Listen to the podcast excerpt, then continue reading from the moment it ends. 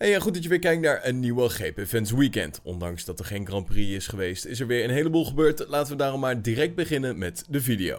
Verstappen en Hamilton die zijn dit seizoen verwikkeld in een fikse titelstrijd waarbij het soms hard tegen hard gaat. Nou, de twee coureurs die zijn niet bang om af en toe een risico te nemen, al gaat dat af en toe nog wel eens fout.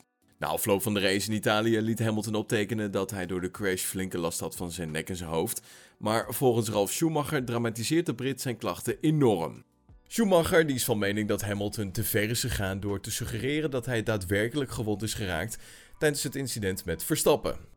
Ik denk dat Lewis het te veel dramatiseert, aangezien hij de volgende dag wel naar New York vloog om een evenement bij te wonen. Vertelde hij tegenover Sport 1, nou goed, hiermee doelde hij op de aanwezigheid van Hamilton bij het Met Gala in New York, een evenement dat de dag na de Grand Prix van Italië gehouden werd.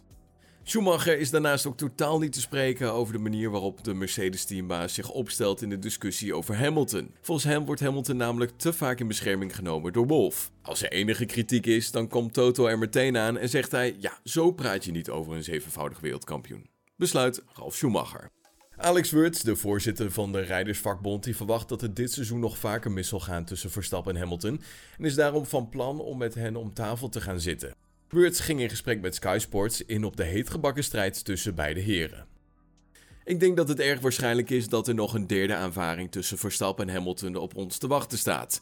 Dit hoort natuurlijk bij de sport, of het nou om boksen, voetbal, handbal of welke sport dan ook gaat. Wanneer twee grootheden clashen, dan gebeuren dit soort dingen. De voorzitter die gelooft ook dat beide incidenten tot nu toe gewoon race-incidenten waren en hij toont daarom ook begrip. Buiten de auto's om praat ik met beide coureurs en zij met elkaar. Ze hebben veel respect voor elkaar en dat is goed om te zien. Maar op de baan gaan zij in gevecht voor een Formule 1 wereldtitel. Een van de meest prestigieuze titels in de wereld van de sport. Ze moeten wel vechten, ja dat hoort bij de sport. Hopelijk wel met respect voor elkaar en hun eigen team, want om eerste te worden moet je wel finishen. Ja, Wurts die benadrukt dus dat hij in gesprek gaat met beide heren, maar dat hij niet alles kan voorkomen.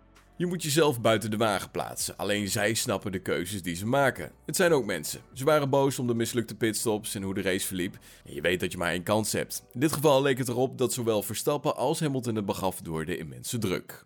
Momenteel is het zo dat motorfabrikanten geen performance updates meer mogen doorvoeren. Nou, de motoren die mogen alleen geüpdate worden als dit gaat om veiligheid of duurzaamheid. Er mogen dus geen updates doorgevoerd worden in het kader met meer vermogen te genereren. Maar goed, dat wil natuurlijk niet zeggen dat er helemaal geen extra vermogen meer te vinden is. Als een motorleverancier het bijvoorbeeld voor elkaar krijgt om de motor zuiniger te maken, dan kunnen ze voor dezelfde hoeveelheid brandstof meer vermogen krijgen. Mercedes die moet in strijd met Rebel Racing regelmatig het onderspit delven en is inmiddels gestopt met het ontwikkelen van de huidige wagen. Het team heeft haar focus helemaal gelegd op 2022 maar toch heeft Mercedes de strijd om beide wereldtitels in 2021 nog zeker niet opgegeven. Want het lijkt er namelijk op dat ze een nieuwe troef in handen hebben. Volgens de doorgaans goed geïnformeerde Italiaanse tak van motorsport.com gaat Mercedes zich nu volledig focussen op de motor in de hoop dat ze daar het verschil kunnen gaan maken. Ze willen hierbij niet alleen hun eigen vermogen proberen op te schroeven, maar ook een poging wagen om Honda te dwingen om fouten te maken. Hal Thomas, de algemeen directeur van Mercedes AMG High Performance Powertrains, is er namelijk van overtuigd dat er nog steeds meer vermogen uit de auto kan worden gehaald. Hij stelt dat het namelijk mogelijk is om bepaalde parameters van het turbosysteem en de hybride technologie verder op te schroeven zonder dat de betrouwbaarheid wordt aangetast. Mercedes is daarom nu aan het onderzoeken hoe ver ze de turbo van de motor moeten opschroeven om Honda te dwingen om in de achtervolging te gaan. Als Honda inderdaad in de achtervolging zou gaan, zou dit de betrouwbaarheid van de Japanse motor wel eens negatief kunnen beïnvloeden. En laat dat nou precies zijn waar Mercedes op uit is. Maar goed, zij nemen zelf ook niet al te groot risico, want de kans dat ze zelf met betrouwbaarheidsproblemen te maken krijgen is namelijk ook aanzienlijk groot. En Martin Whitmarsh die zal vanaf oktober in dienst treden als de nieuwe Group Chief Executive Officer van Aston Martin Performance Technologies.